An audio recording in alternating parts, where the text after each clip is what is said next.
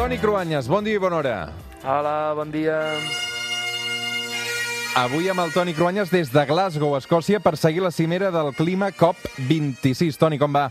Eh, sí, bé, hem vingut amb uns amics de TV3, preparem el Telenotícies especial que farem demà sobre crisi climàtica. A veure, aquí hi ha la cimera de caps d'estat i de govern, aquesta de la COP26, organitzada per Nacions Unides, i aquí estem.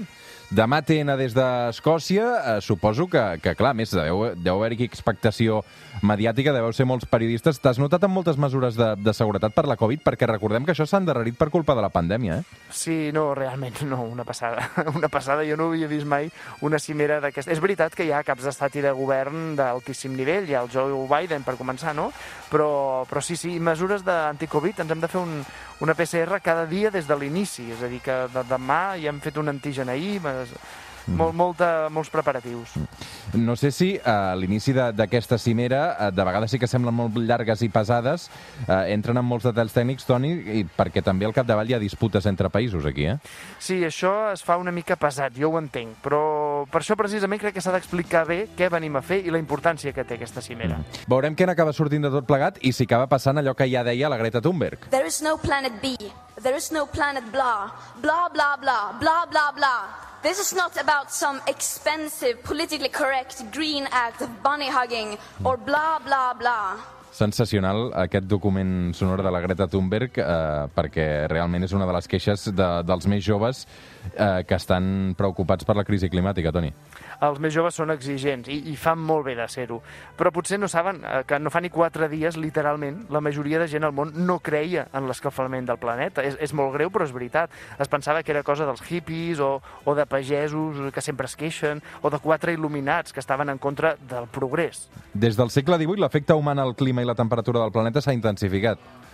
Des de la revolució industrial, el debat més o menys simple estava entre els que defensaven les fàbriques, les màquines, la tecnologia, diguem-ne que eren els moderns, i els que estaven espantats per tot això, els més tradicionalistes. Semblava que era, una, era de retrògrada, no? que eh, oposar-se a créixer industrialment, urbanísticament, en els serveis, és clar, això volia dir benestar. Primer dels més rics, però després de les classes mitjanes. A veure, simplificant molt, Catalunya va ser un país que de seguida es va pujar al carro de la indústria, en canvi, per exemple, Castella no. Els motius econòmics i socials d'una societat o d'una altra no tenien res a veure amb el medi ambient en aquell moment. Però va ser determinant ser-hi o, o no ser-hi. Els països més industrialitzats, sobretot els occidentals, van dominar el món. Era difícil oposar-se a la indústria i al consum massiu, tot i que ara sabem on ens ha portat tot això. Pare, digueu-me què li han fet al riu que ja no canta. Mira, Serrat ja parlava sobre la contaminació dels rius per les fàbriques.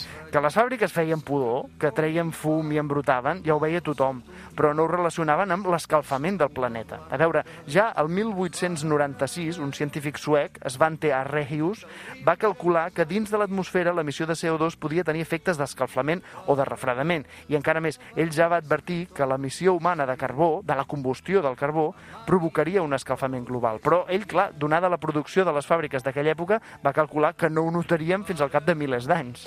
Què ha passat? Doncs que s'ha accelerat tot plegat, no? Perquè, tot i que sabíem que hi havia certeses científiques d'aquest perill, ningú li va fer cas. Al contrari, els fabricants i també els governs dels països industrialitzats van amagar-ho. En alguns països, ja no et dic l'Aràbia Saudita, per exemple, que és un dels principals productors de petroli del món, allà es van prohibir expressament els estudis sobre els combustibles fòssils. Però a països democràtics van ser els lobbies energètics, automobilístics, en general els lobbies de la indústria, que van deixar de finançar universitats o científics amb estudis que no els agradessin. Al contrari, es van finançar estudis que relativitzaven aquests advertiments. Everybody knows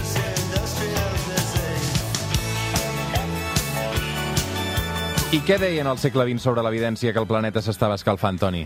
Deien que era per variacions solars o, mira, per l'activitat dels volcans, aquests dies que està tan de moda veure, no? doncs semblava com si eh, d'allà del volcà eh, sortís l'escalfor que després havia de fer que el planeta fos més calent, no s'escalfés.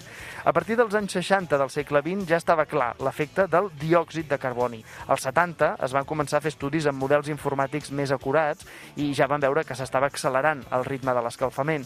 Llavors és quan el lobby del petroli va desenvolupar una estratègia que en van dir del greenwashing, que vol dir neteja de la seva seva imatge fent veure que són més ecologistes. I com ho van fer?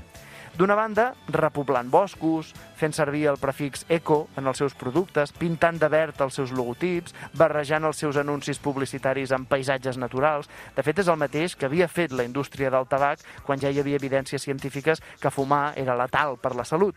Mira, l'equip de Dick Cheney, que va ser vicepresident dels Estats Units amb George Bush, a ell se li atribueix haver-se inventat el terme canvi climàtic en comptes d'escalfament o de crisi climàtica.